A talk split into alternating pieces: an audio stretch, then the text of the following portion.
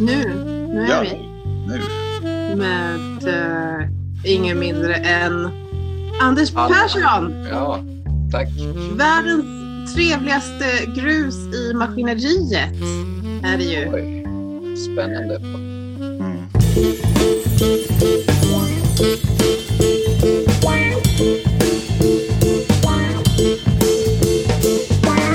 Vi kör ett live här igen.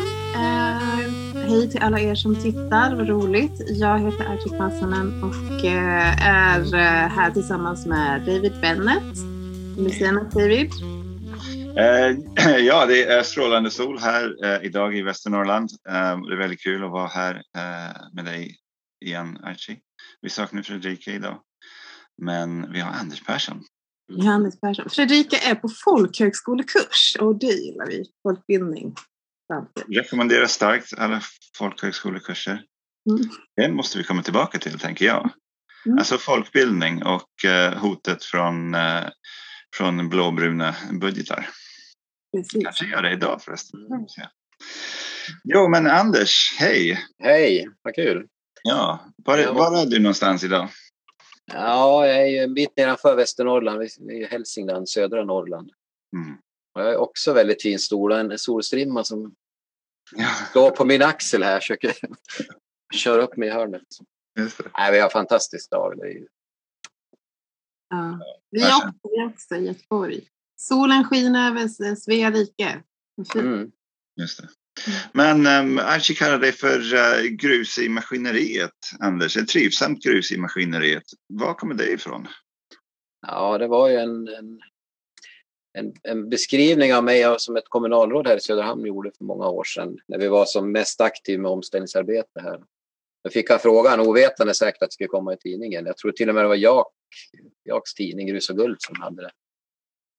Och då, då fick jag frågan av reportern, hur skulle du beskriva Anders Persson? Ja, han är ett, ett trivsamt grus i det kommunala maskineriet. Och det var ju, tycker jag, den finaste beskrivning. Ja. Och så, men det var en uppföljning också en, en, som jag också tycker var fin. Så han, han har en sällsynt förmåga att vara både trevlig och besvärlig samtidigt. En Men egenskap. är, inte det omställning i ett nötskal? Eller liksom hur, en- hur en omställare kan vara? Liksom. Mm. Jo, i, i sina bästa stunder, absolut. Jag försöker Ja. ju leva efter det. Jag lyckas ju aldrig fullt ut kanske, men Ja. som motto att inte att, att provocera men ändå ha en anständig ton. Just det. Så hur har du provocerat då? Ja, genom åren har, har, vi och, jag varit väldigt provokativa, tycker vi. Och vi har ju hållit på med ett engagemang här i Söderhamn då, som, som sträcker sig faktiskt. Jag är ju 55 plus numera och har ju som engagerat mig i de här frågorna sedan jag var 18-19, så det är ju snart 40 år. Och vi på olika sätt har vi varit en liten blåslampa under politiken med Mm. mer eller mindre lyckat resultat. Men att, att inte låta dem fatta sina beslut i fred tycker vi att det är jätteviktigt. Alltså, vi är Mm. mitt uppe nu, jag kan ju berätta om det, vårt politiska arbete lite längre fram. Vi är mitt uppe i en stor vindkraftsdebatt här i Mm. stan. Och, om det fattas det korkade beslut så ska någon vara där och få tala om det och sen kanske komma med positiva lösningar också. Just det, att inte bara vara motsvals utan faktiskt komma med det här kan vi göra istället. Ja, visst. Du har ju startat ett parti som heter SOS, Ställ Mm. om Söderhamn, ett lokalt parti. Ja, egentligen heter det, alltså partibeteckningen Ställ om Sverige. Så det är registrerat på ett riksplan. Mm. Och jag har en hemsida, sossstallomsverige.se. Men sen har vi då bildat en lokal variant som heter Söderhamnsinitiativet. Så vår tanke när vi drog igång det här inför förra valet var ju att till skillnad från många andra alternativ som vändpunkt och enhet och sådana som har försökt genom åren att, att inte börja med att registrera ett parti uppifrån och sen försöka implementera det neråt. Utan vi, och det här är, tycker vi lite sann omställningsandar. Vi, vi, vi, det finns registrerat så vem som helst kan haka på och bilda sitt eget parti men man ska, man ska jobba med frågorna lokalt. Och liksom, för, menar, omställningen sker här i Söderhamn, det sker i Göteborg, i Härnösand på olika sätt och då ska man utforma sin egen och man ska göra det i lokala partigrupper också, inte att det ska vara allting ska inte formuleras på ett riksplan och sen ska man få en broschyr därifrån och försöka förhålla sig till det. Mm. Så vi har jobbat med något som heter rådslag där vi sitter allihop och vi, vi kommer fram till vad, vad, vad tycker vi gemensamt i gruppen, vad kan vi stå? Så försöka, det är totalt demokrati som vi försöker i alla fall. Mm. Så att det är fritt fram för vem som helst i landet att och haka på. Som sagt, det finns registrerat. Man kan använda den registreringen som, som vimpel. Men, mm. men det var det här lite gräsrot, lite grann som Framtidsveckan spred sig när den var på topp. Liksom man, man, den som vill ta konceptet tar och gör det till sitt eget. Då tror vi att framgången är bättre. Mm. Är ni aktiva nu, nu när det är valår och allt? Ja, faktiskt. Vi, vi bestämde efter mycket diskussion att vi ändå ska försöka vara med. Vi hade, alltså vi, på ett vis var det väldigt framgångsrikt fast vi inte kom med i fullmäktige förra valet så var det ändå intressant att vi blev vi blev uppmärksammade av media och väldigt, fick väldigt mycket respekt från media och andra partier. Vi blev direkt liksom sedda som ett etablerat parti ihop med de andra. Vi fick vara med i tidningsrubriker med vår lilla logga. Vi har en Svedjerova som logotyp. Den dök upp med alla andra blommor. lite kul. Och fick sitta med i alla debatter, svara på enkäter som alla andra partier. Mm. Och det kändes, tycker jag, hoppfullt för demokratin ändå. För vi fick ju direkt skit för det här att ja, men om ni, ni, ni kommer att sabba för Miljöpartiet och de kommer inte med fullmäktige och det var sådana diskussioner efteråt. Ja, det var på grund av SOS. Och det, där, det hör man ju också på ett rik, riksplan när det kommer in nya partier som försöker slåss, att man på något vis konkurrerar med de befintliga. Men det tyckte vi var väldigt viktigt också att, att kunna visa att men i en demokrati måste det finnas plats för alternativ. Vi kan inte vara fast i de här strukturerna. Det är strukturerna vi försöker förändra och då måste strukturerna vara beredda att släppa in nya utan att det ska bli ett hot. Mm. Och sen, eh, sen var det också intressant att vi, vi såg i efterhand, vi försökte inte snegla på vad andra partier sa i olika frågor. Det var ju mycket så väljarfrågor som kom till oss som parti. Så när vi summerar våra åsikter efter de här rådslagen och de här diskussionerna vi hade så såg vi att vi, vi tänkte verkligen annorlunda i nästan alla frågor. Mm. Utan att vi, vi försökte vara politiskt korrekta och tänka omställning och allting. Så, till exempel, vi, vi, vi fick ju sådana här väljarfrågor som Vill ni höja skatten? Tänker ni laga alla dåliga vägar? Och, ja, typ, när alla andra partier svarar nej, vi ska inte höja skatten, ja, vi ska laga vägar, så säger vi ja, vi ska höja skatten, nej, vi lagar inga vägar. det, var, det, var lite kul att säga, så kom det upp så här, en stor etablering, om Ikea skulle komma till Söderhamn. Ja, vi säger ju naturligtvis nej till en sån etablering. Mm. Och det här var vi fick väldigt mycket cred för när vi stod i debatter och så här efteråt. Att, ja, men äntligen någon som vågar vara ärlig. Vi, och de sa så här, vi, vi, vi håller inte med er, men tack för att ni är ärliga. Mm. Just det. Och hur, hur viktigt tycker du att det, det här med att engagera sig politiskt är som omställare? Jag tycker faktiskt att det har, har blivit mer och mer viktigt med åren. För det var ju en sån där liten liten helig sak från början att vi skulle låta bli att vara politiska i omställningsrörelsen då när, vi, när det kom transitionrörelsen och när den kom till Sverige så var ju det en av grundpelarna. Vi ska inte vara en del av det politiska systemet men och det var ju lite i desperation över att, att så, så lite saker hände som vi bestämde oss för att starta det här också. Jag tycker på något vis är ett problem är fördelningen av, eller det stora problemet är fördelningen av resurser. Mm. Och omställningen kommer ju kräva gigantiskt mycket pengar om vi ska lyckas. Så det kommer att krävas att inte man, man lägger saker eller lägger pengar på fel saker i det här läget. Mm. Och, och, vem fattar de här besluten över de här medlen? Ja, det är ju inte vi omställare som gör det. Det mm. sitter ju politiker fortfarande och tar felaktiga beslut både lokalt och regionalt och nationellt. Och då måste vi vara där. Vi måste, det är lite Robin Hood, vi måste ta makten över resurserna helt enkelt. Mm. Se till att de styrs in på rätt saker, matproduktion och inkludering och allt vad det är. Att det var väl den, den desperationen, liksom att ja, vi kan inte bara sitta här och titta på när, när bussen kör åt fel håll. Att jag tycker fortfarande det är jätteviktigt. Jag tycker så här också, det kanske är på tvärs mot många andra i omställningsrörelsen, att, att en av de stora missarna vi har gjort är att vi inte har funnits med där besluten fattas på ett annat sätt. Vi är, alltså jag är för en lokal omställning på gräsrotsnivå, absolut, det är där måste, men vi har varit lite för dåligt pålästa hur, hur strukturer fungerar. Hur, mm. vi liksom går in med ett ideellt engagemang men tror det kräver också kunskap. Precis som folkbildningen var för 150 år sedan, apropå folkbildning. När arbetarrörelsen och IOGT-rörelsen och allting så var det ju det här att vi måste förstå hur samhället fungerar för att kunna vara med och påverka. Mm. Och jag tycker vi har varit lite för naiva omställningsrörelsen att inte tagit fasta på det där och hur fungerar en struktur, de här strukturerna som beslutar för då först kan vi vara med och köra in de här stora kilarna som behövs. Mm. Precis. Jag tänker på det som um, 2020, för två år sedan, när pandemin slog till och, och ni startade potatisuppropet. Mm. Det var just en del av det var ju att ni hade gjort mallar som alla kunde ta av för att liksom ställa, alltså ställa frågor till, till de lokala politikerna som man har. Alltså ni gjorde ju verkligen ett enormt arbete för att vem som helst, var som helst i Sverige kan bara skriva ut det som ni hade lagt fram och sen sätta det i sin lokala kontext inför sin lokala politiker. Mm. Det, det, är ju, det var ju enormt värdefullt, verkligen. Och jag tänker nu är det också två år senare, vi är i, vi har ett valår. Mm. Har ni tänkt något mer på dem? Um, hur kan man använda potatisuppropet i, i, i det här valåret? Ja, jag hoppas och jag blev jätteglad när ni ringde och drog upp det här igen, för det har väl kanske somnat av lite hos mig det här med... Alltså jag odlar ju fortfarande potatis i stor skala, för det är ju halva levebrödet. Mm. Att odla grönsaker och potatis. Men att, att verkligen kan sprida det också. Och, och som en...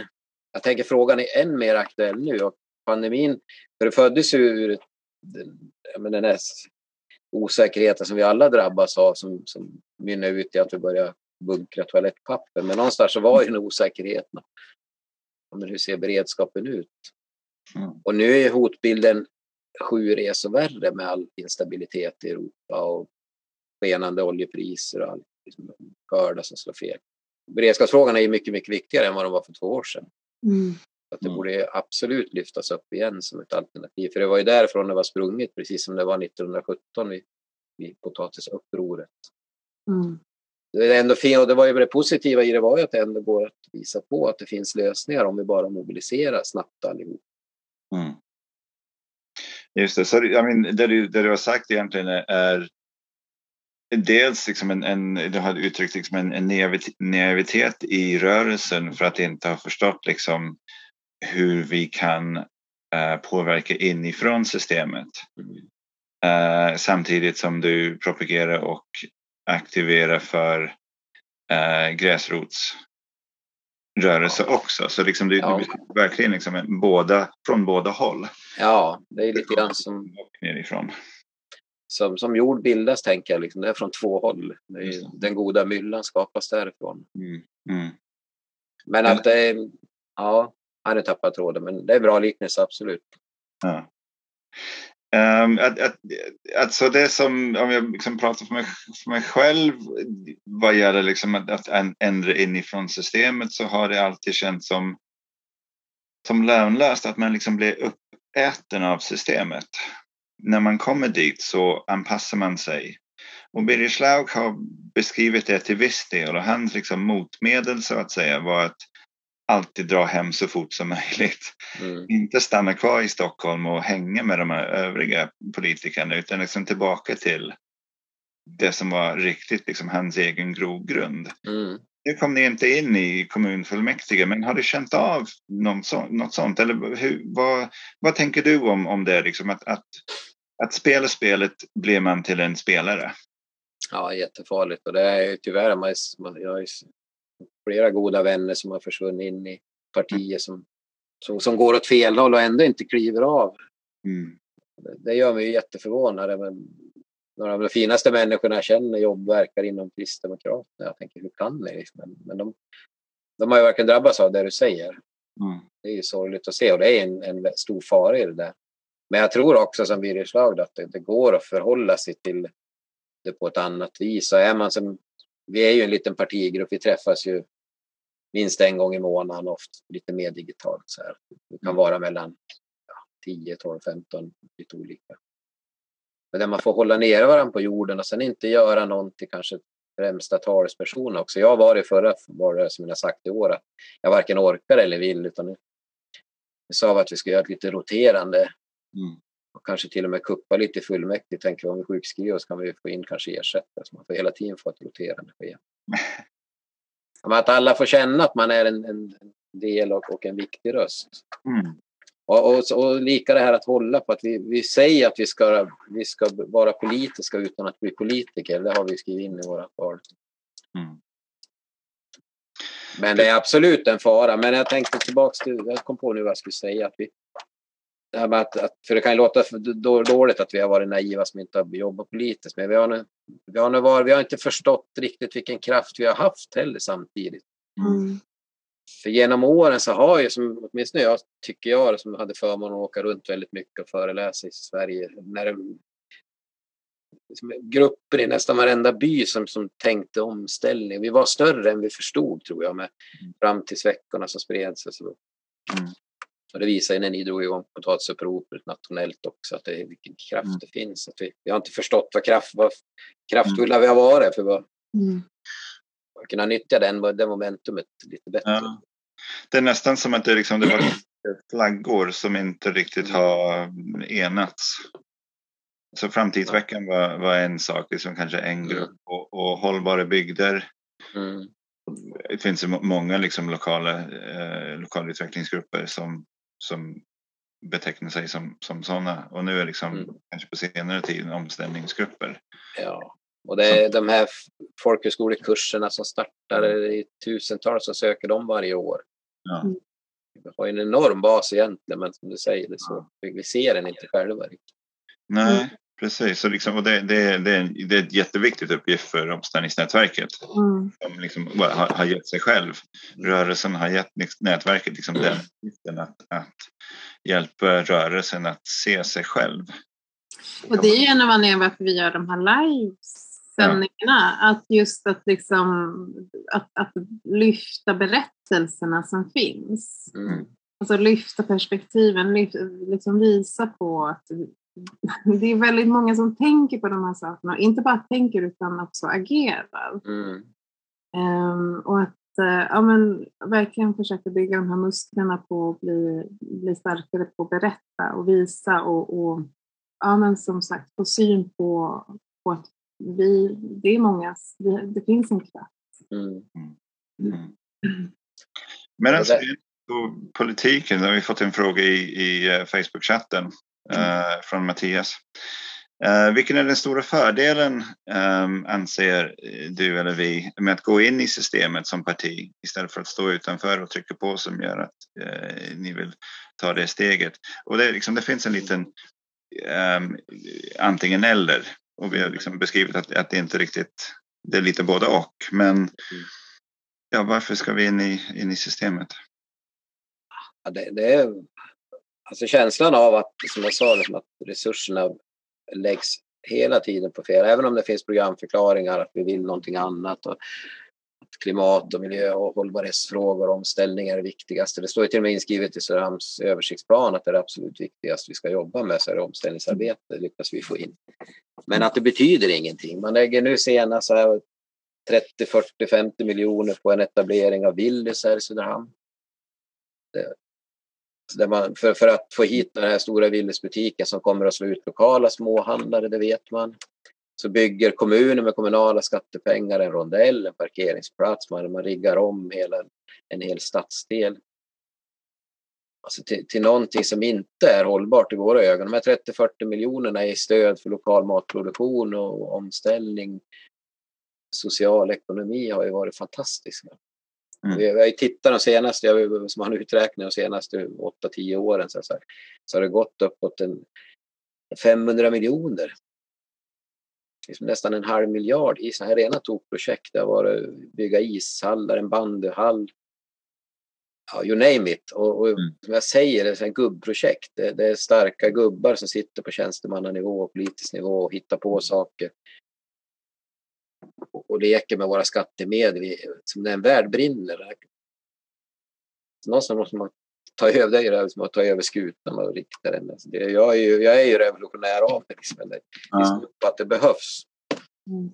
Och det är, man ser att det blir icke-frågor och klimat är vår viktigaste uppgift, säger man på regeringsnivå och kastar ut någon klimatmiljard. Men de stora miljarderna går till, fortfarande till tillväxtprojekt. Mm. Att det är väl den känslan, att det, det går inte längre. Det var väl det som, som, som bar oss till att starta det. Jag tror att det är rätt väg, men jag vet ju inte om det. Mm. Det känner man ju olika. Mm. Nej, men precis, och liksom det, det säger vi varje vecka här och liksom varje gång vi, vi pratar om omställning. Liksom det, är ett ex, det är experiment. Mm. Inte ett experiment, liksom, men, men flera experiment. Som ja. kommer det funka? Men det kanske har någon påverkan. Det är klart, mm. allting har en påverkan. Ja. Um, men ja, så liksom så många experiment som möjligt. Mm. Egentligen. Ja, jag bara försöker, för man, det är lätt att falla in i bitterhet och jag har ju lovat mig att ju, ju äldre, mer gubbe jag blir, liksom, att inte bli bitter sådär. Men mm. vi, vi, skulle prata om det sen, lite hopplöshet. Så, men, men nej, alltså, vad, vad, jag tycker är sorgligt, men det, det är kanske en del av vår mänskliga natur här, att vi, liksom, att vi, vi måste alltid återupptäcka precis samma saker. Lite grann som vi alltid måste damma av filosofiska frågor. Så är det lite grann så här också med omställning. Vi måste damma av samma projekt i olika former. Mm. Det blir nya konstellationer som tror att de är först på banan, som döper sig till någonting nytt och så blir det en gruppering. Mm. Och det gör vi, alla gör vi det misstaget. Inte minst jag liksom, som har startat mycket saker. Och det där är ju, alltså det bara förskjuter ju den här viktiga omställningen. Förstår ni vad jag menar? Jag såg... Att titta på nya saker eller till synes nya saker? Ja, alltså saker som, som, som redan har, är konstaterade. Eller, ah, jag ska sätta ord på det där. Alltså det finns en ny grupp som heter Matvärn som jag såg nu som ett jättefint initiativ. Det mm. har ni säkert koll på. Jag är inte Facebook-aktiv tyvärr, men jag läste om det. Mm. Och det är jättespännande. Men, men, precis samma sak har ju gjorts i ett otal upplagor tidigare, ända tillbaks till Kärngårda som var Anna Horns drog igång för 30-40 år sedan som var precis samma sak. Permakulturföreningen har ju något liknande med sån mm. typ av gårdssystem. Alltså. Mm. Vi kommer ju på saker och tror att vi är unika. Och jag säger precis lika medskyldig som alla andra så tror man det här ska dra igång. Mm för att mm. man är en drivande person och så blir det ingen förvaltning på det här. För det finns ju mer igångsättare än det finns förvaltare tyvärr. Mm. Just det, det var intressant. Och då blir det att vi måste starta upp och då kan man känna sig med hjälp. Det här har vi gjort, då kan vi inte ta nästa steg. Ja. Och då, det där, då, då känner man ju så att när man säger så här så blir man ju en bitter gammal gubbe. Men, men det är ju samtidigt det här tiden rinner ifrån oss. Jag, jag känner det här, vi, med över livsmedelsstrategier, som, nu ska ju den implementeras ner på, på lokal nivå, den här nationella som blev regional livsmedelsstrategi och som nu är i alla kommuner ska jobba med. Så jag blev inbjuden till ett möte förra veckan. Och där, då har de raggat ihop lite lokala aktörer och vi som, som, som odlar i lite mindre eller större skala så här, utan att vara LRF-bönder. Och så, så en tjänsteman som inte har någon koll på frågorna, jättegullig kvinna. Men, men hennes uppgift blir att starta om hela processen. Nu ska hon undersöka vilka förutsättningar det finns i bygden för lokal matproduktion och ska titta på behovet. Mm. En omvärldsanalys. Och det här finns ju tusen och en analyser även på lilla Söderhamn och det finns regionalt, det finns nationellt. Vi vet behovet, vi vet efterfrågan, vi vet att det finns många som vill göra skillnad. Problemet är någonting, an, någonting annat.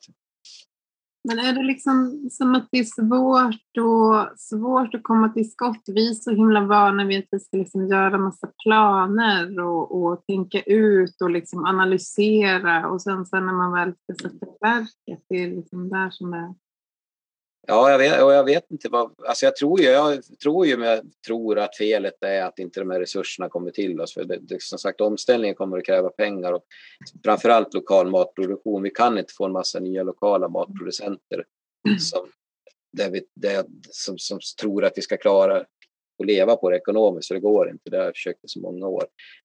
Om vi inte får stöttning på vägen. Det kanske kan, ska vara en, en medborgarlön till lokala matproducenter tills det börjar bära sig. Mm. Tills maten börjar kosta vad den egentligen borde kosta. Och Och det, alltså, och och det är det, som jag sa, det är tusentals som har utbildats i, i market gardening, lokal matproduktion, omställning, som bara väntar på startknappen. Vi vill igång. Och att då igen börja analysera och titta på behov och möjligheter. Så det, det är ju att komma till den startknappen när vi verkligen gör verkstad. Mm.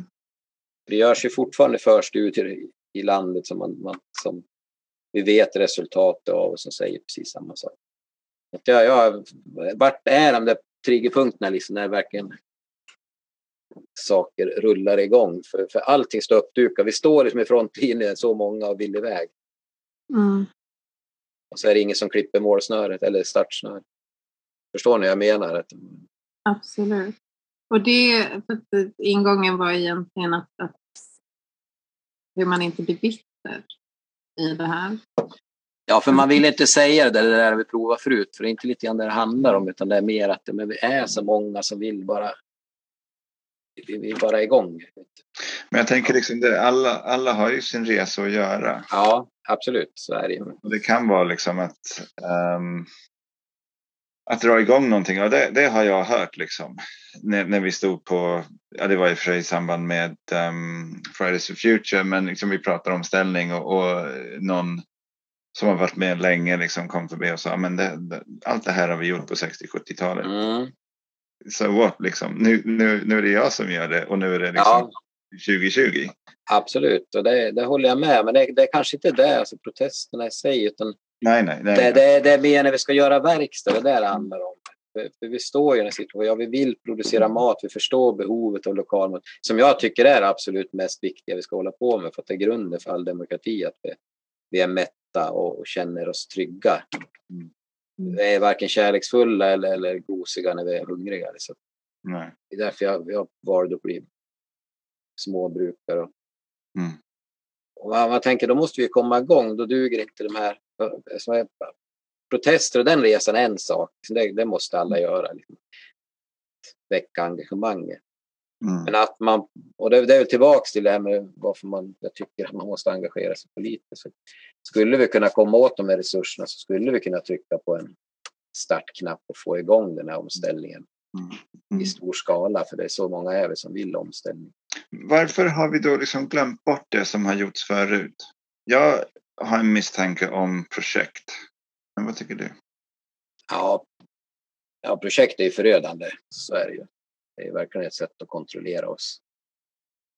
Det går ju inte att driva omställning i projektform heller, för det, det har ju ett, ett, ett start och ett slut. Det är ju grunden, för, om- speciellt om man ska söka pengar för ett projekt. Och det är ju även en förödande för all lokal kommunal verksamhet. Det är så otroligt många kommunala projekt som drivs, eller kommunala arbete som drivs som projekt där man söker externa projektmedel. Och man anställer, det är ju, man anställer jättekunnigt folk, till exempel runt hållbarhet, så som, som jobbar under en begränsad tid och sen tar pengarna slut, sen finns inte tjänsten. Mm. Det är så enkelt med projekt tänker jag. Um, alltså, man kan projektera en padelhall. Mm. Det gör så gärna Ja. överallt. Men liksom att, att projektera en, en odlingsyta. Mm. Då går man in i en lokal förvaltning. Då går man in i liksom den riktiga omställningen som är ju liksom lokal förvaltning i, i, av livgivande kulturer. Mm. Och det, det har vi glömt bort liksom. Tänker jag. Och det, är liksom, det är därför alla, alla dessa folkhögskolekurser är så viktiga. Liksom, för då kommer man in i och fördjupar sig i snacket om ja, hur förvaltar vi det här tillsammans Mm. på ett sätt som gynnar mig, er och planeten. Mm. Liksom hela, hela livet, livet vill fortsätta men det, det har liksom vår modern industriell civilisation glömt bort. För nu prioriterar vi vinst istället. Mm. Så liksom det, det är ju ja, det, det, den, den lokalförvaltningen som är så svår som kräver liksom nya projektmedel varje år och det kan vi aldrig säkerställa. Nej. Så det tyder på liksom att, att omställningen måste vara liksom crowdfinansierat eller Mm. kan det vara liksom ideellt? för vi, vi märker ju i omställningsnätverket liksom att man kommer ju bara så långt med ideella krafter. Mm. Och du har pratat om liksom vi måste frigöra enorma summor pengar. Pe- pengar. Mm. Ja. Ibland blir det fel. Men, um, um, att vi ska använda systemets pengar för att bryta ner systemet, liksom, det, är ju i, det är i sig inte hållbart. Det är inte någonting som, kan, som vi kan liksom ha som överlevnadsstrategi. Och, och där, om man kommer tillbaka till Matvärn som har ju en idé om att, om att det ska ställa sig utanför marknad och stat. Mm. Som eh, någon som har kommenterat som Omsättningsrättsverket påpekar, jag misstänker att det är Torsten mm. av tonen. Eh, att, att bryta liksom den här cykeln av projektmedel, av kortsiktighet. Um, och att komma liksom underifrån så, så har man kanske en, en, en bättre möjlighet kanske den här gången, att vi har tränat liksom med så många experiment, liksom, kanske den här gången så hittar vi någonting som, som faktiskt fortsätter. Jag tänker också att det beror på omvärlden. Liksom nu, som du säger, liksom det är sju resor värre. Mm. Det som vi har just nu jämfört med ens två år sedan. Mm. Och den skakighet i systemet gör att, att det, det finns en större mottaglighet på något sätt. För de här systemnedbrytande idéer. Mm, precis, och en erfarenhet erfarenhetsbank. Alltså att just att man har startat och testat och, och liksom famlat sig fram liksom har ju gjort också att man har en slags förståelse. Alltså hur, hur det är att navigera där ute eh, tillsammans med andra människor. Vad är det som är... Som är ja, alltså att, att, att göra är ju också att lära sig inför framtiden, att förstå, alltså att ska bygga en slags inre motståndskraft och resiliens mm. genom att ha erfarenheter. Mm. Även om jag såklart kan förstå liksom, att det finns en frustration över, utifrån det du beskriver. Alltså, det är så många som är redo men att resurserna läggs någon annanstans.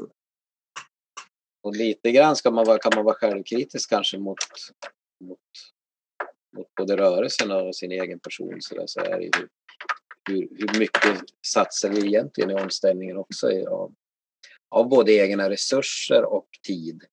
Mm. Det vad jag har varit kritisk mot mig själv och mot rörelsen också, att vi, vi gör omställningar så länge det är inom vår comfort zone. Liksom. Men när det, när det kommer till att våga riska stora egna resurser, då, då backar vi ofta. Mm. Man, man tittar hur mycket av sin, sin, sin inkomst lägger man på sin omställning, hur, om man är ärlig. Så är det generellt en ganska obetydlig del vi gör. Vi mm. har mycket möten, så på det viset har vi ingenting att lära av, av tidigare saker som har gjorts. För mycket har varit mötes, mötestid och det har varit pamfletter och det har varit förstudier och projekt och allt. Mm. Men vi har inte gått in och varit de här entreprenörerna som också krävs för att det här ska vi är idémänniskor, vi är idealister, men vi är inte entreprenörer, vi är inte förvaltare om man ska vara självkritiska. Det, det ser jag bara på de kurser jag driver, att det, det är otroligt få som vill riska, ungefär som vad en jordbrukare gör, som tycker vad man vill om, om konventionella jordbrukare. Eller de, de, de går in med ett otroligt riskkapital för mm. att producera mat till andra människor. De, de, de, de, de skuldsätter sig familj och hus och hem och barn och allting för att vi ska få mat. Sen att de gör efter fel metoder enligt oss, då liksom det är en sak. Men, men ja. det där risktagandet, det, det ser jag få av oss omställare som vågar göra. Ja, precis. Gör... Men det finns ju de som gör och vi har kommentarer mm. i chatten mm. från någon som har liksom gett allt och lite till. Ja, och det är ju det. Och det ja, absolut. Alltså, det, är inte att, det är inte alla, men generellt så är, så och det är inte minst liksom på, på 60, 70, 80-talet. Det var ju mm det var ju läpparnas revolution. Mm. Jo, det, är inte, det är inte det jag menar, utan det, det, det är väl det där liksom med, med resursskapande. Jag tar ett konkret exempel. Vi har ju vunnit en kommunal upphandling här nu i ett gäng odlare. Vi ska leverera mat om vi kan få fram till tre kommuner. Det här är ju någonting fantastiskt men det visar sig att vi har inte de här strukturerna att klara det här. Vi skulle behöva kylbilar, kylrum, tvätterier. Så det är enorma investeringar som inte vi kunde komma upp på. Då. Det, är en, mm. det är en jättestor grej som skulle kunna vara revolutionerande men tyvärr mm. kommer det falla på att inte vi har resurserna att genomföra det. Mm. Mm. Och jag tror likväl som, som Lider behöver kommunala medel för att slå ner sin butik här, eller som Ikea skulle inte kunna bygga sina varuhus om inte kommunala pengar fanns inblandade så kommer inte vi kunna lyckas med matomställning om inte vi liksom får tillgång till, till, till kommunala eller statliga medel. Och där tänker jag med matvärn så att, att marknaden och staten är inte samma sak för min del. Marknaden är en sak som vi inte ska, ska samverka med men, men staten är ändå oss tillsammans. Det är därför liksom, hur fördelas de resurserna som jag tycker är så viktigt. Mm. Det, var, det var någonting som uh, hade kommit upp att, att um, eller som jag hade tänkt att vi skulle kunna uh, röra oss vid, liksom att leva som omställare. Och det har varit lite av, av, en, av en fråga som jag har eh, försökt driva. Eller liksom, eh, det är en av mina utforskningsfrågor om man säger så. Liksom, hur, hur ska jag leva som omställare? Liksom, om jag, om jag um, är flykting från business as usual vilket jag har i princip gjort. Liksom. Um, hur lever man istället då? Liksom, hur, hur håller man upp liksom, ekonomin? Hur, hur har man ett ben i det befintliga, det skadliga och ett ben i det nya utan att slitas isär? Liksom? Mm. De, är liksom, de, de, vi står också på... Ja, de går åt helt olika håll och det, det är ju... Hur gör man det? För det, och du, du, liksom, du har gjort det här länge. Hur har du gjort? Vad, vad, vad, är, vad är din bästa tips för liksom att, eller nej det är så, förlåt, inte bästa tips. Topp tre! um, hur har du gjort? Vad är din erfarenhet? Ja, alltså, nej, jag är ju egentligen fel person också. Det är ju, alltså, om man ska självrannsaka sig så här, alltså, jag, jag lever ju inte omställning heller så som det borde göras. Vi bor alldeles för stort egentligen för våra Ja, vi har ju en väldigt stor gård som har blivit en folkbildningsplats då, så vi har ju försökt bjussa på, på vår plats på jorden genom att låta upplåta den för andra människor så mycket vi tycker att vi orkar. Så det, det kan jag ju motivera det med, men överlag så, så bor vi för stort för vad den här planeten tål. Så är det ju. Jag har för mycket resurser också. Men, alltså, men samtidigt så har jag riskerat väldigt mycket av, av familjens ekonomi för att med den här resan som småbrukare. Vi har ju vi, vi, vi odlar ju grönsaker och, och potatis och har några kossor och får och höns. Och, mm. och ska man räkna på det företagsekonomiskt så är det ju en idiotisk affär. Det, mm. det går ju inte ihop. Och vi har haft fattiga perioder och så. Så det, det, är jättesvårt att ge alltså det är jättesvårt att säga när.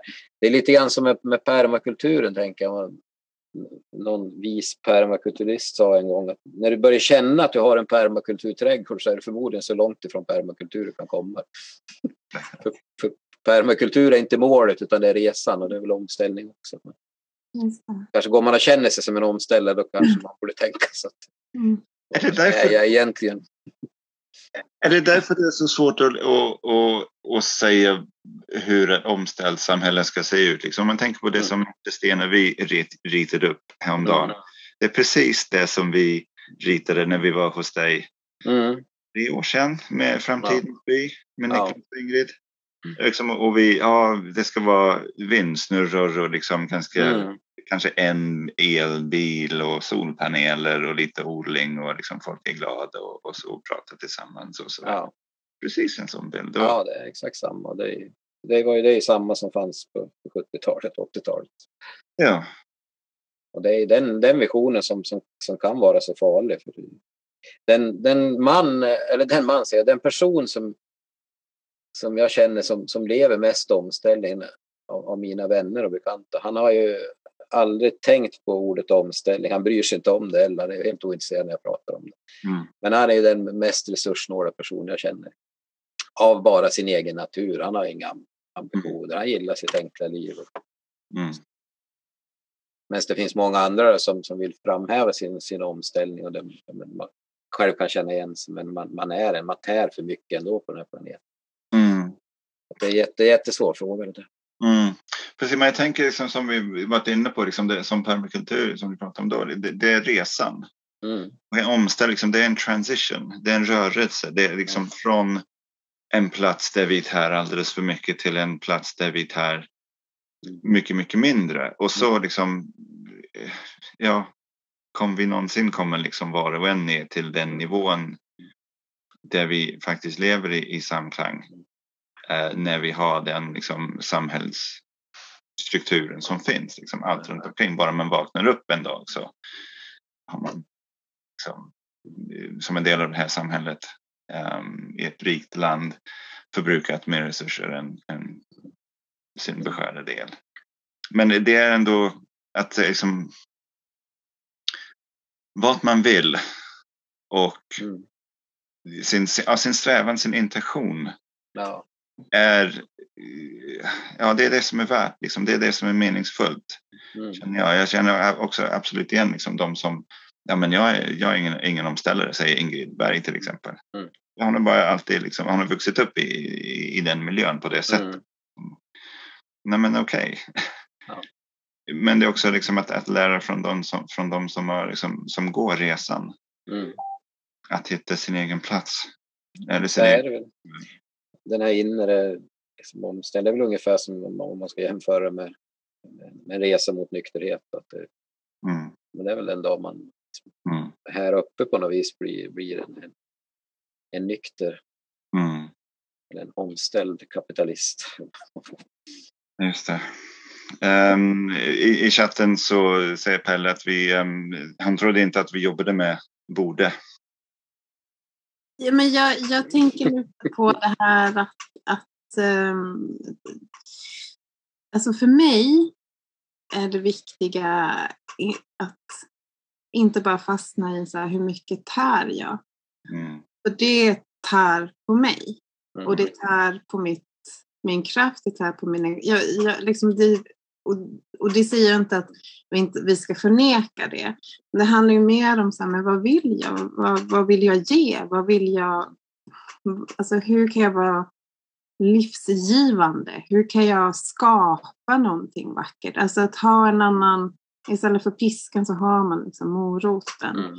Och jag tänker att det är så oerhört viktigt att jag, det, det, alltså jag har inte så här så himla höga förhoppningar på att vi ska lyckas ställa om till ett eh, till eh, bara en massa regenerativa, fantastiska blomstrande lokalsamhällen och utan att det kommer vara smärtsamt. Det, eh, om vi ens kommer komma dit, det tror jag nästan inte. Men det är ju ändå så här, hur går jag värdigt i den här tiden? Mm. Hur går jag värdigt på den här jorden? Um, och jag, för mig handlar det ganska, eller väldigt mycket om anständighet och värdighet och mm. meningsfullhet och att ha faktiskt ha kul. Mm. Uh, för de, de tre aspekterna, värdighet, anständighet och meningsfullhet, det, det är då man kan ha kul på riktigt, när man känner att man umgås med de aspekterna av, av sitt vara också. Eh, och jag tänker att det är viktigt att minnas, minnas det. Eh, för att det, det är oerhört, alltså jag tänker att det, som, som du började att säga Anders, liksom att ja, men vi är sju, när, vi, när potatisuppropet satte igång för två år sedan var ju liksom när vi slogs av den här pandemin eh, och blev varse om att, eh, att vi lever i en, en global struktur som, som är otroligt fragil och sårbar. Nu är det sju resor värre, sa du. Nu, um, och jag tror att det är väldigt, väldigt, väldigt många fler som känner det in på huden. Mm. Um, och Ehm, att ha någon slags resiliens i en sån här tid, det, det, tycker jag är oerhört viktigt. Att vi kan på något sätt vara en, en sån röst. Mm. Jag tycker att den rösten saknas verkligen idag. Ja, jag hör den knappt någon annanstans än hos omställare. Och jag, jag, vet inte, jag ville liksom bara säga det att vi, vi behöver också prata om vad är det meningsfulla livet? Vad är, ja, som, eller som det goda livet som, som urfolken i, i anden. Att det, eh, det, det är ju någonting annat än stor fet bil och mm. stor fet villa. Ehm, det, det är ju att leva i, i en ärlig, anständig relation till, till resten av det levande som vi inte gör i vår kultur. Det är oerhört svårt att bryta sig loss från de samhällsstrukturerna man är stöpt i. Jag är liksom född på 80-talet, född och uppvuxen framför tvn. Liksom. Jag har noll kompetens för en omställning. Um, men jag tänker att ja, man försöker ju ändå lära sig att navigera här. Mm. Alltså apropå ja. hopplösheten då. Ja. Hur, hur kliver man ur, eller hur, hur bär man sin hopplöshet på ett anständigt sätt? Ja, men jag tycker det sa någonting bra där med jag tänker vad en, en, en princip som jag funderar mycket över tidigare, det är som permakulturens tredje Fördela, fördela överskottet, det är lite olika skrivningar på det, men en rättvis fördelning av överskottet eller fördela överskottet. Så vad, vad det betyder egentligen. Och den, alltså det, det slog mig när jag hörde en, hitta en jordbiolog som heter Niklas på våra kurser. Och den första gången han kom och skulle föreläsa så förklarade han hur, på så ett bra sätt hur, hur växter tar upp sin näring. Mm. Och att, att det sker ju först när växten producerar genom fotosyntesen sin goda sockerlösning i, i alldeles för mycket skala än vad den själv behöver och så skickar den ut den i jorden. Lockar till sig bakterier och mikroorganismer som i sin tur lockar till sig andra organismer som käkar bakterierna sen bajsar ut en näringsrik lösning som växten kan ta till sig.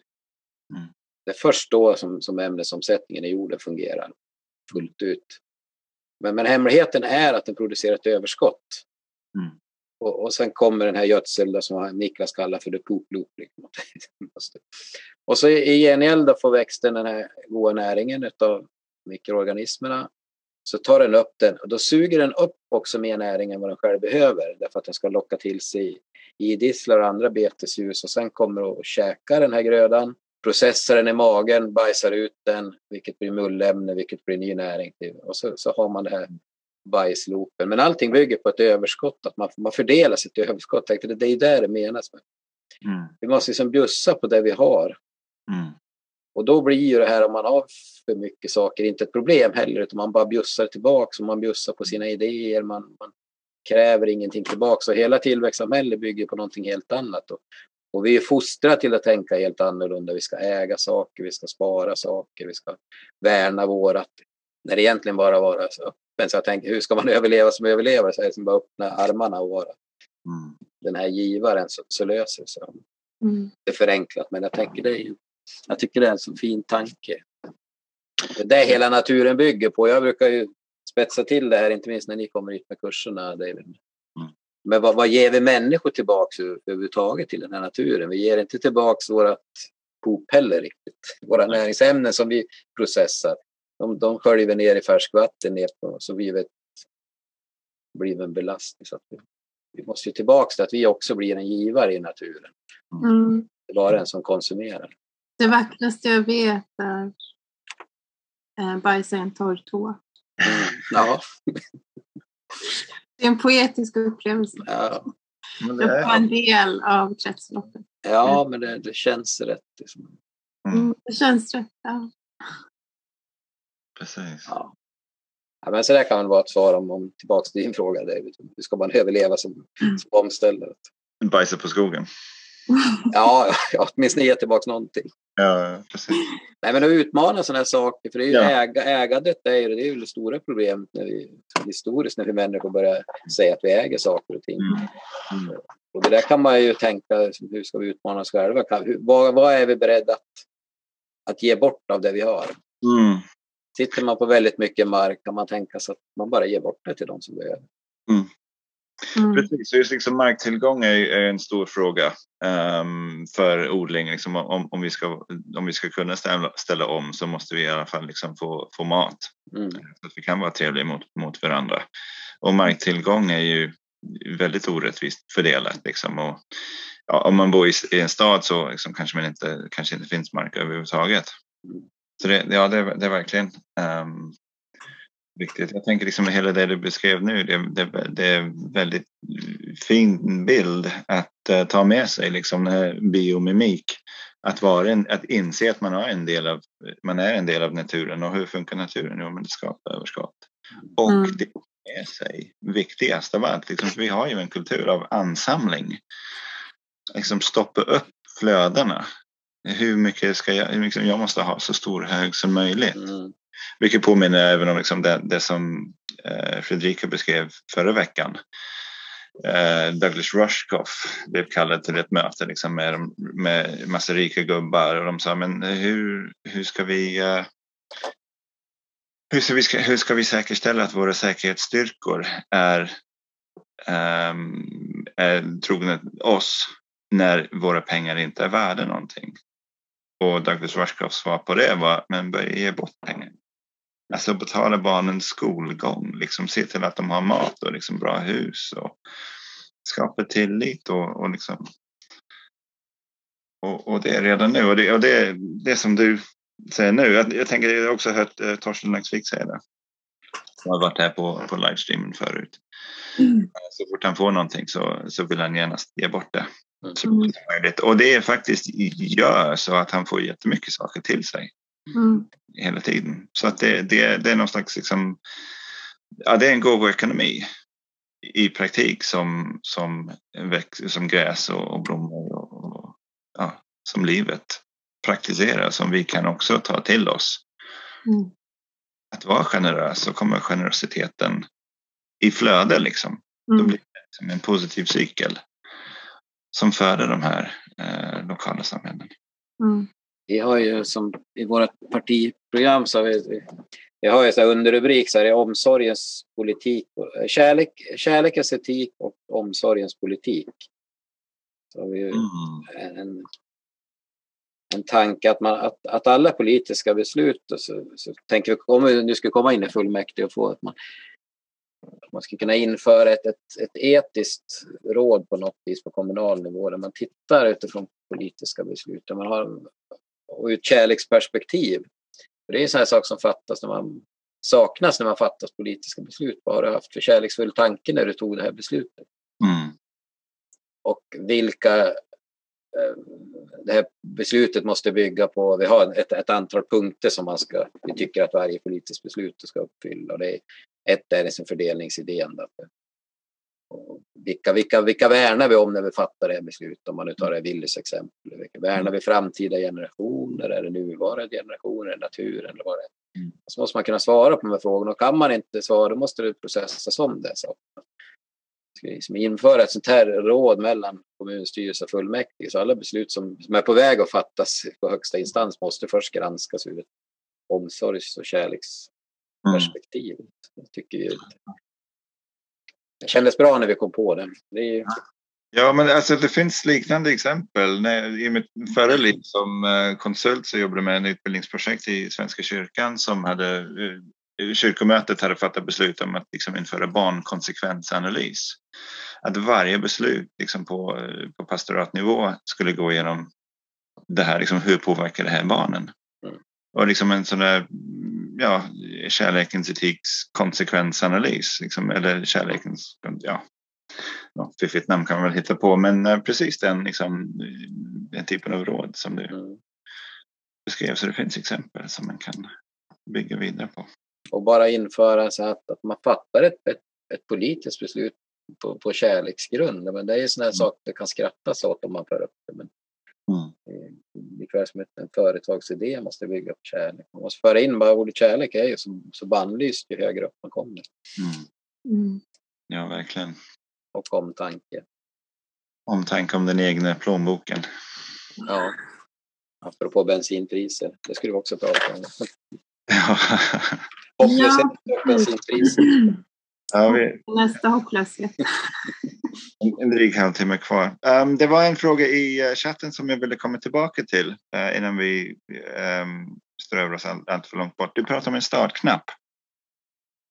Mm. Uh, det är liksom när vi pratar om olika omställningsaktiviteter som, som kommer tillbaka. Um, att, att liksom hitta den här startknappen. Mm. Har du sett den? Vad är den? Ja, alltså jag, jag tror mig ha sett det. Sen jag kan, men, men, men tillbaks igen till den lokala maten som jag tror är lösningen på så mycket saker. Får vi igång den så får vi igång människor i verksamhet som känner att de gör meningsfulla saker. Och det, det skapar den här tryggheten och massa sidoeffekter också. Mm. en, en rad av gröna entreprenörskap som skulle komma igång till följd av det. Och det, det tror jag med, med, att man skulle och det skulle ju vara det, för efterfrågan finns ju som sagt. Det är ju varenda kommun om man ska titta på skriker efter lokalproducerade varor, för det, det har man skrivit in någonstans i upphandlingarna. Och det är ju enorma mängder. Nu, nu är prisnivån då så här skev lite grann. Och det, det, det, kanske man, det är den man måste överbrygga. Men om man bestämmer sig att vi köper bara, hela den här mängden köper vi från lokala producenter. Mellanskillnaderna subventionerar vi med, med kommunala medel och då skulle man ju få den här debatten att det är snedvriden konkurrens. Men det, det, kan man ju även hävda när det gäller Willys och, och andra. Så här. Varenda företag i varenda kommun kräver som sagt stöttning för att fungera i form av vägbyggen och allting. Och vi behöver saker för att vi ska komma igång. Mm. Så, så där vore, tror jag, en enorm startknapp. Och, och, och sett till hur många vi är och som, som vill igång. Jag menar bara våra kurser här i Söderhamn. Vi har utbildat hundratals människor i, i småbruk och djurhållning och lokal odling. Ja. Så att det där startknappen, trycker man på den där så tror jag, för då skulle vi, vi locka till oss entreprenörer, man ser att det finns försörjningsmöjligheter här. Man skulle, skulle få in de här förvaltarna som vi, som vi mycket saknar, de entreprenörerna i rörelsen skulle mm. titta, men här finns det möjligheter. Jag, jag tänkte, vi, vi börjar få ihop liksom en, en, en jättebra tråd här. Och Willys exemplet, kan du bara liksom säga lite mer om det så att alla som lyssnar som inte har hört det från början Um, vad, vad, är det för någonting? Men det, det, var ett exempel på, på hur kommunala medel så lätt kan hamna i, i fel. Och där man, man gynnar ett, ett stort kapitalistiskt multinationellt bolag. Men då går kommunen in där man, man, blir lockad av att Willys vill göra en stor etablering här. Det finns redan en Willys butik i centrum men man vill göra en extern stor marknad. Vilket räknat på det här och som flera har gjort så kommer det slå ut flera lokala handlare. Men för det här idiotprojektet så, så avslår kommunen 40 miljoner, 35-40 miljoner. Mm. Okej, okay, så 40, 40, miljoner kronor till, till liksom en, en stor satsning mm. som kommer ha negativa effekter. Ja, och, och de, de här 30 40 miljonerna som startknapp för en lokal matproduktion hade ju varit hade vi gjort stordåd med. Ja, just, just precis, precis. Så jag tänker liksom där finns någonting. Um, alltså lokala stadsbruk till exempel skulle mm. med rätt eh, affärsplan eller liksom rätt att prata med på kommunen borde kunna liksom göra en case för att få liknande pengar. Absolut. Och, och, och, det, och det är bara den här få det här liksom tankemässigt att slå rot hos beslutsfattarna. Att eh, man ska, alltså vinsterna skulle vara så enorma, förutom eh, vad vi tror, god lokal mat, ekosystem som fungerar, för det skulle man kunna villkora. För att få producera lokal mat så ska det gynna biologisk mångfald, lokala kretslopp och så vidare. Mm. Alltså, människor, många människor i, sysselsättning eftersom liksom, livsmedelskedjan är så, så bred, det är så många olika aspekter av det. Mm. Och sen, sen det här startknappen och sen kanske man får sätta det här som att det, blir, ja, men det är en kommunal sak som måste få kosta pengar likväl som idrottsrörelsen eller turismen kostar pengar. Så, så måste den här lokala maten få göra det i ett uppstartsskede. Det är ju det jag menar vi måste skilja oss från. Vi kan inte spela under marknads... Jag håller helt med Torsten, liksom marknadsreglerna funkar inte i det här. Mm. Men för det är ju de här strukturerna som, som är så svårt för oss att fixa som, som vi behöver hjälp med. Sen tror jag att ett, ett piano som kommer att spela själv. Det är väl den startknappen. Mm, mm. Och det är det, liksom, det, det, det vi pratat liksom mycket i, eller i omställningsnätverket liksom om, om projektpengar. Mm. Och eh, jag som gått skola hos Torsten är väldigt tveksam till ja. projektmedel. Men liksom, det som man söker måste vara, som du säger, starten till en självspelande piano. Ja. Och det här ska inte vara projektmedel att söka heller, utan det här ska vara bara mm. Etableringsstöd. Etableringsstöd, som ovillkorade mm. stöd som bara gör verkstad här. Mm. Vi bygger resurser. Eller att man gör det tillsammans. Mm. Lite vid sidan om, men, men kanske liksom som här um, grundinkomst. Mm. Är, det, är det någonting som, som finns i, eh, i SOS. Ja, absolut. Ja. Mm. Och, och, och, kanske särskilt riktade till start till, till lokala matproducenter. Just det, som, som en slags startstöd. Det är inte någonting som man, som man lever på när omställningen är liksom i, i mer full gång, tänker jag. Nej, det behöver... Då, alltså, det utarmar systemet på ett annat Mm. sätt. Det är inte tänkt att systemet ska funka på det sättet.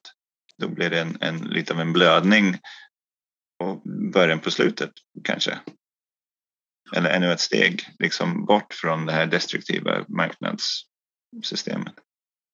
Ja, det kan ju vara, man kan ju se, se hur, om det nu är skattemedel, hur de förvaltas. Om man räknar, gör en, en socioekonomisk uträkning på, på vad omställningen inne- innebär positivt istället, att människor känner trygghet, får, får näringsrik mat, biologisk mångfald. Om man värdesätter, liksom, man sätter en prislapp på ekosystemtjänster som funkar på människor som mår bra, så får man ju en helt annan, alltså helt plötsligt visar man att de här satsningarna är gigantiska vinster. Mm. Det är den sortens uträkning vi måste göra. Det är som, jag är med i ett bostadskooperativ som hyr ut lägenheter där, Stenbacken. Alltså vi gjorde ju en sån här socioekonomisk uträkning. Vad, vad, vad tjänar kommunen på att vi lyfter människor ur missbruk? Mm. Det är ju direkt en vinstaffär på bara något år. Att en, en, en enda person så har man ju hur mycket miljoner som helst räddad.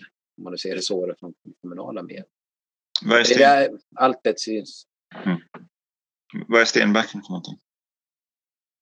Eh, Jag hade ett boende och ett arbetskooperativ som startade här i Söderhamn för ja, det är över 15 år sedan.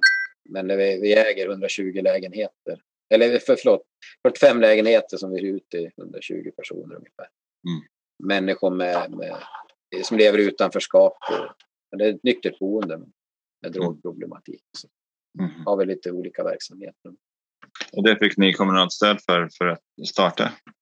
Nej, nej inte, inte från början. För vi fick eh, låna husen gratis. För de här var ju rivningskåkar. Men det Just. återställdes med ideellt arbete. Men sen har ju kommunen subventionerat Mm. lokalerna. Men vi har gjort arbete. Mm. Och även fått igång verksamhet. Så vi har ju 8-10 anställda. Det är, det är en fungerande ekonomisk verksamhet nu. Ja, det är jättebra case study att, lära sig mer om. Nej. Eh, Nej, jag tänkte på vi, eh, om vi liksom går tillbaka till det här att nu är vi eh, sju resor värre genom den här pandemin. Och nu står vi liksom i startgrupperna för nästa odlingssäsong. Och vi, vi från omställningsnätverket vill ju lyfta potatisuppropet i år igen med ännu mer kraft än, än vad vi gjort tidigare. Första året fick vi ju över 200 orter som, eh, som eh, hoppade på. Alltså det var ju allt från några som satt i en, potatis i en hink till att det startades odlingsföreningar i, i byar och eh, allt möjligt. Och Eh, jag tänkte att vi skulle kunna prata lite om potatisuppropet och eh, vad, vad skulle vi vilja se hända, hända i år? Nu är det också valår så jag tänker att det är ännu, kanske ännu viktigare att, eh, att liksom uppmärksamma det här och få politiker att att fatta frågan, fatta det här som vi har pratat om, som du Anders har verkligen eh, beskrivit så otroligt eh, tydligt, att vart vi står, liksom att politiker hellre satsar på multinationella företag än, än på lokalproducerad mat. Men hur ska vi tänka med potatisuppropet? Vi har ju pratat lite att matvärden är på ett sätt nästa steg från, från att sätta potatis, men att liksom bygga på en ja, men en, en slags bygemenskap kring maten. Att hur, hur förvaltar vi det? Hur, hur tar vi hand om det som, som, som skapas? Det är inte bara potatis utan det är också så mycket mer som kommer av det. Det är ju demokrati, det är fred. Alltså mat, som du sa, liksom, mat är fred. Mat är liksom förutsättning för demokrati. Hungriga människor. Om vi, vi, vi, det som finns i den politiska debatten är ju väldigt mycket trygghetsfrågan, att det är så otryggt. Men hungriga människor, det, det skapar ingen trygghet överhuvudtaget. Så hur, hur, hur ska vi tänka nu inför inför säsong två av Potatisuppropet. Jag slänger ut den bara. Så får ni smarta män förklara för mig. Lite.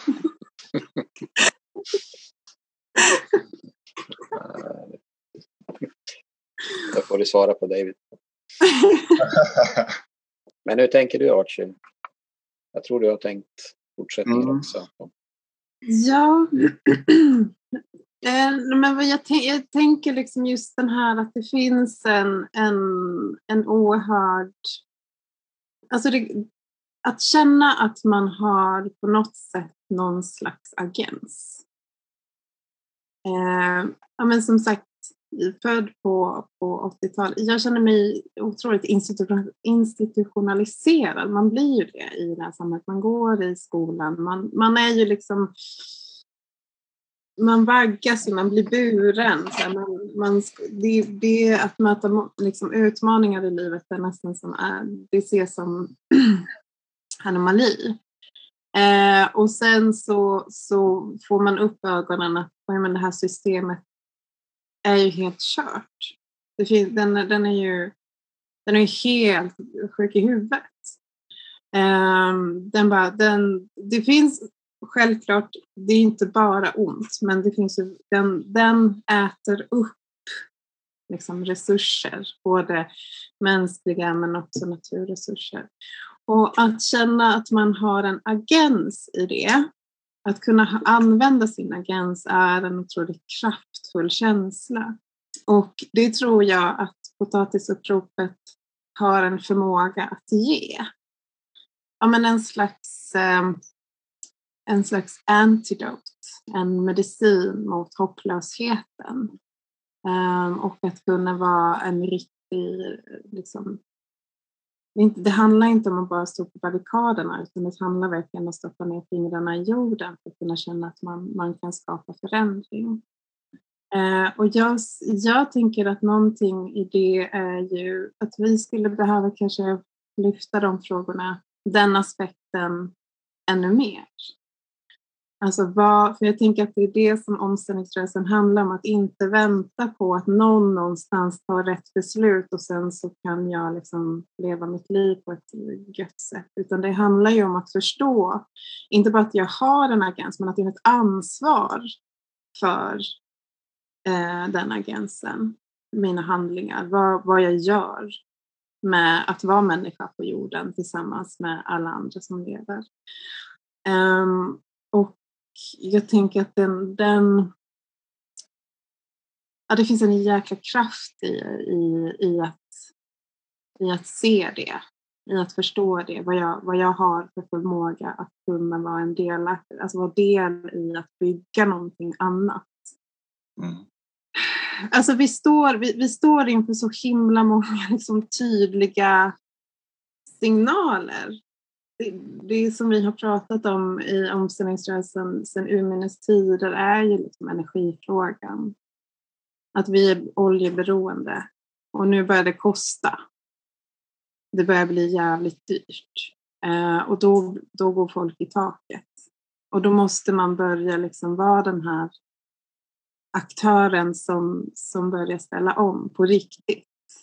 Det står ju på vår hemsida, vi ställer om på riktigt. Det är inte bara liksom laddstolpar vi snackar om utan faktiskt liksom ens fysiska ansträngningar. Mm. Uh, så jag, jag, det var lite så, så jag tänker kring att, att jag skulle vilja få det till en livsstil. Potatisuppropet ska vara en livsstil. Det ska vara en en, en kulturrevolution. Ja, men precis, och, och det är liksom att, att, att sätta potatis, att odla potatis, det, det är relativt enkelt. Till och med jag kan. precis, och jag också. Liksom, vi kanske har liknande uppväxter liksom, ja, framför skärm. Liksom. Mm. Eh, enkelt, så var det. Ehm, och, det är liksom, och därmed kan man, kan man träna liksom, den här förvaltningskulturen, liksom, att faktiskt ta hand om dem, att säga till dem att, att de har tillräckligt med vatten. Mm. att skörda, att ta hand om skörden. Liksom. Att utdelningen är fördröjd istället för den här liksom snabba belöningen. Att liksom man måste vänta på sina potatisar. Och ta hand om dem under tiden. Liksom. Det, det, är, det är väldigt bra träning i, i förvaltningskultur. Mm. Och sen liksom Matvän säger att det måste inte bara vara potatis, det kan vara andra saker också. Um, men uh, håll er borta från liksom, tanken av att sälja till varandra. Att liksom ta bort, att, att uh, komma bort från tanke som annars liksom är också insyltade med. Liksom, det finns ju överallt, liksom i porerna att, att sälja överskottet till, till andra liksom, eller, eller liksom rättvisa. Liksom, vem har arbetat mest och jag ska få mest potatis oberoende av vad jag behöver. Om liksom det är en person som har traktor, kanske den personen man skulle kunna tänka att, att, att den personen ska få mest eftersom de har gjort mest, mest jobb. Liksom. Um, men det behöver inte funka på det sättet. Så liksom bara introducera nya, nya tankar på, på förvaltning, liksom hur man är i en grupp. Eh, liksom tänka på andra människor och deras behov också. Och inte bara människor, liksom, att, att vidga mm. synen från liksom bara vara människocentrerat till att liksom tänka på eh, maskar och jordbakterier och allt sånt. Liksom fotosyntes. Grunden till allt liv. Ja, så det, det, det, det är träningshjul mycket. Liksom det är en jättebra praktisk ingång eh, samtidigt som det innebär liksom kulturskifte. Och det är, liksom, det, det är både omställningens ben eh, i princip. Liksom det, det, det är resiliens i praktik. Eh, och kulturskifte som, förstärk, som, som, som förstärker varandra. Liksom. När man har ett kulturskifte av att byn jobbar tillsammans. Så liksom, vi, där jag bor liksom skrev vi Facebook, vem vill odla potatis tillsammans? Och jättemycket gensvar. Förvånansvärt mycket. Liksom, vi trodde inte att det skulle hända någonting i princip, men det var jättemycket gensvar. Och redan där har det skett kulturskifte. Liksom bara frågan och folk säger ja och liksom älskar. Och sen kommer man tillbaka till liksom, men ja, lite grus i, i, i maskineriet där. Liksom, gamla vanor kommer tillbaka och folk säger nej, liksom. Men det kommer det blir jättebra. Men jag hänger inte med riktigt här med mat kanske. Jag, har inte, jag borde ha läst på vad de står för. Men när du ja. säger att, att frikopplas från marknaden som innebär att, att odla utan att sälja. Eller vad, jag, hänger, jag fattar inte vad du menar. Eller vad de menar. Uh, ja, men jag, jag, jag, vi kan säga vi, för um, alltså begreppet myntades av Olle Forsell på Kalvafalls gård i Ydre, södra Östergötland um, och plockades upp av Torsten. Um, och jag såg kopplingar till potatisuppropet och tog, tog in det typ i, i omställningsnätverket. Ehm, men att eh, matvärlden ska stå fri från eh, marknad och stat är eh, två grundpelare i princip. Ehm, eftersom med industrialiseringen så blev människan och sen maten förtingligad. Det som vi gjorde för varandra, med varandra, liksom blev en vara på marknaden. Um, och liksom nu blev det så, så, så, extremt att vi konkurrerar på pris med eh, de skitigaste jordbruken i världen där inga hänsyn tas till, till omkostnader överhuvudtaget. Så marknaden eh, där pris oftast bestämmer liksom vad som säljs och köps eh, är ju destruktiv. Så att hålla, hålla maten bort från marknaden och liksom eh, på så sätt öka dess värde. Liksom. Att ha en vördnad inför maten.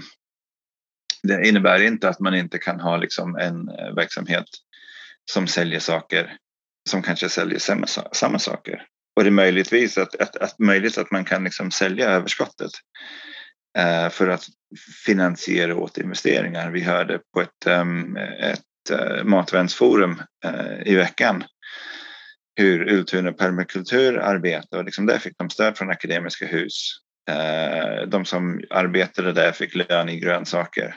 Eh, men överskottet fyra ton på 3000 kvadratmeter, lite drygt 3000 kvadratmeter. Um, blev som, eh, det blev återinvesterat i fruktträd. Så nu har de äpplen på gång också där eh, på den här marken. Men att, att, att, um, att inte sälja till varandra, liksom att inte ha, ha ekonomiskt värde av min insats. Um, och liksom en, en provokation som, som finns där, liksom, hur, hur har man matvän med lata människor? Eller en lat människa liksom, som, som säger att den vill vara med, men gör ingenting. Eller grisgruppen i Edsele till exempel. Det, det, var, vi var där med en kurs eh, och någon som bodde i Uppsala sa men om jag hade velat vara med i grisgruppen. Ingen som helst möjlighet att komma och sköta grisen någon vecka. Det finns inte. Skulle jag ha kunnat vara med i grisgruppen? Och det, det är en skitbra fråga. Liksom. Hur ställer man till det? Och då, liksom, då är det liksom en utforskning av hur vi ställer oss till de behoven som människor har. Liksom. Eller de önskemålen. Um, och det är ju liksom i, i relation som vi, som vi blir till. Och med, med de här nya frågorna så, så väcks så otroligt mycket, tänker jag. Jag vet inte om du fick du något svar på din fråga? Ja, men jag får inte ihop tankegångarna riktigt. För att ja. det, vi har ju strukturer som gör att så många människor inte kommer att kunna producera sin egen mat. Och jag tänker så här, före industrialiseringen så var ju, byggde det kanske mer på ett självhushåll. Jag undrar om, om liksom den där kollektivismen var så, så utbredd som man vill tro. Då, då fanns det fungerande självhushåll. Alltså det var ju därför man odlade i huvudsak, för att man skulle försörja sig och sin familj. Mm. Jag bara tänker att det är så många som, som kommer hamna utanför. Jag, bara, jag får inte ihop till skallen nu bara. Men... Mm. Det är här en debatt mellan Torsten Laxvik och Anders ja, var. Jag pratat med Torsten om det här tidigare, men jag, jag fick inte ihop det då heller. Men det stod här nere framför min jordkällare. Så det bra. Mm. Ja. Nej, men alltså i grunden är det väl bra, men jag tänker att det är Men är det inte så att vi behöver många, många olika sätt att göra saker på? Och att vi, vi behöver många olika som gör olika saker i samhället och allting är olika, är lika betydelsefullt. Mm jag, har väl inget emot liksom att, att det sätts in i ett system där det säljs saker och ting. Jag är inte, jag är inte emot, mot den principen, däremot inte vara en del av det kommersiella jordbruket som, som tär och förstör. Mm. Mm. Men, ja, men jag tänkte tillbaka till potatisuppropet där hur man skulle kunna rent praktiskt, då, vad man tar från början Art, så var det väl hur går det att lansera det igen? Är det en grundfråga? Ja, men det, ska vi, det, det, det, det har vi gjort med det här livet. Mm. Nu, nu är potatisuppropet igång igen. Men ska man ha något motto mm. eller vad, vad tänkte du? Eller?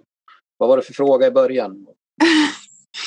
Nej, frågan var väl hur, um, hur växlar vi upp den kanske? Hur, hur växlar vi upp potatisuppropet så att det, det är just mm, alltså med tanke på att vi är i eh, situationen som, som har sagt nu flera gånger att inför 2020 så, så det som vi står inför nu är ju ännu värre. Eh, och fortfarande är liksom vår grad av livsmedelsförsörjning otroligt pinsamt låg. Vi har inte liksom gjort så mycket med det så hur kan potatisuppropet bli en kulturskifte äh, ännu starkare? Jag har ett sånt här, jag får ofta frågan från elever eller man föreläser om kommer några klimatsmarta tips och hur mycket ska jag odla och hur kan jag gynna biologisk mångfald? Det brukar vara tre grundfrågor. Mm. Det klimatsmarta tipset, det, det brukar jag säga, men det är halvera allt du gör som första steg. Ja, när det gäller att producera mat, dubblera allt du gör. Mm. Och när det gäller att gynna biologisk mångfald, jag gör så lite som möjligt. Mm. Det vill säga i din trädgård. Ju mer, ju, ju mer du gör, desto mer snabbare biologisk mångfald. Men man tänker det med att halvera allt, men, men att dubblera allt, för det har vi också som krav på våra elever, oavsett vilken ingång man har. Att vissa kommer ju kanske bara odla i, på sin balkong eller fönsterbräda, vissa i en pallkrage. Ja, men de som odlar på sin fönsterbräda flyttar ut på balkongen och, och sätter dubbelt så mycket krukor. Mm. Den som har en pallkrage sätter två pallkragar, den som har en hektar för köks på två hektar och så vidare. man någonstans utmana sig själv. Mm. Mm. Tänk att det skulle kunna vara en grej i potatisuppropet också. Att, Ja, beroende på vad man satsar på förra året så, så sätter vi dubbelt så mycket. Men det kanske var 10 hinkar, då sätter vi 20 i år. Just det. Och, och, och så, så att man väver ihop det kanske med, med biologisk mångfald på något vis. Ja, men vi, vi ska både så potatis Mm. och skapa Mm blomstrande områden runt det här. Precis, alltså jag är helt inne på, liksom, eller helt med på um, göra så lite som möjligt. Liksom. Uh, det är oftast liksom att när vi, när vi slutar göra det skadliga, liksom att, att det som är uh, rätt eller mer rätt kan, kan komma fram.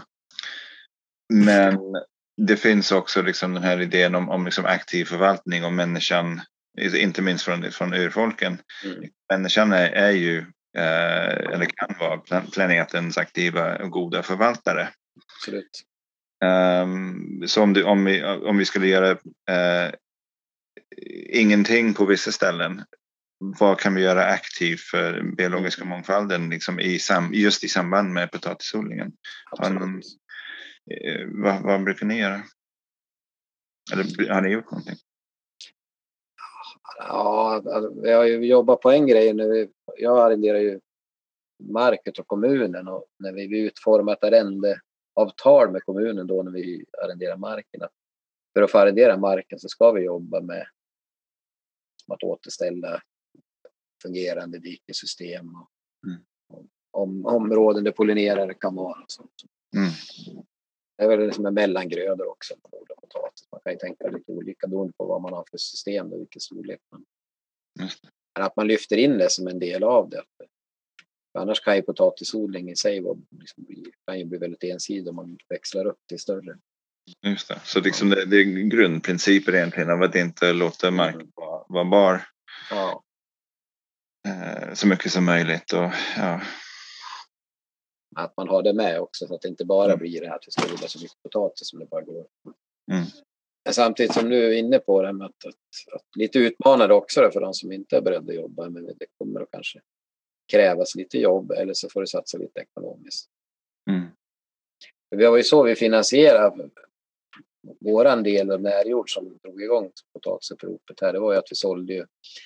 Vi drog, vi var ju en, en, ett andelsförfarande Mm. Och där man eh, som är lite det här krisperspektivet köp 150 kilo potatis till nästa säsong. Mm.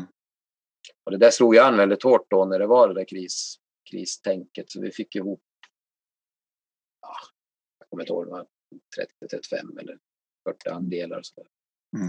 Och det blev ju väldigt mycket pengar in för varje andel kostar ju 3000 spänn. Mm.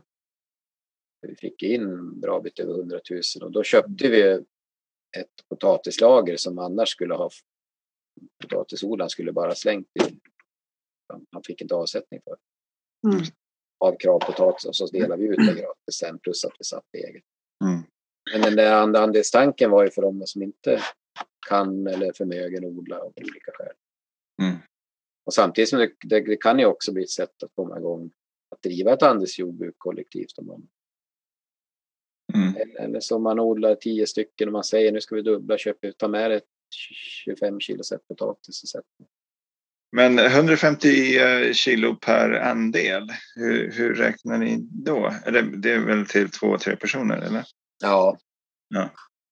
Vi, sa det, ett, ett, ungefär ett familjesnitt om man är fyra personer med den potatiskonsumtion som är idag som inte är så stor. Mhm.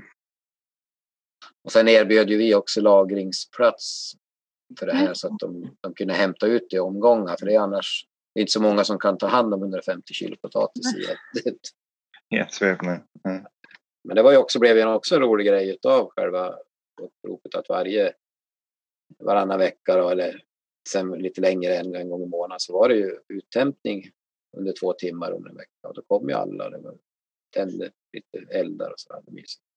Mm. Då hade vi tillgång till stora lokaler men det finns ju många jordkällare som står. Mm. Som man också kan bjussa på. Sitter man på en jordkällare så kan man ju fördela den. Det ska vi göra här i byn. Vi har letat i Härnösand efter liksom en stor uh, underjords... Um, ja, vad var det? Um, gud, nu försvinner orden. um, skyddsrum. Ja, just det. Uh, som funkar jättebra. Men även här i byn så ska vi renovera uh, jord, en gammal uh, nerrasad jordkällare. Mm, perfekt. Ja, precis, men um, är det någonting vi inte har pratat om Anders som du tycker att du vill säga innan vi, innan vi slutar? Det var väl hopplösheten då, Archie. Men det är synd att avsluta med den. Nej, men, alltså, det kan vara intressant.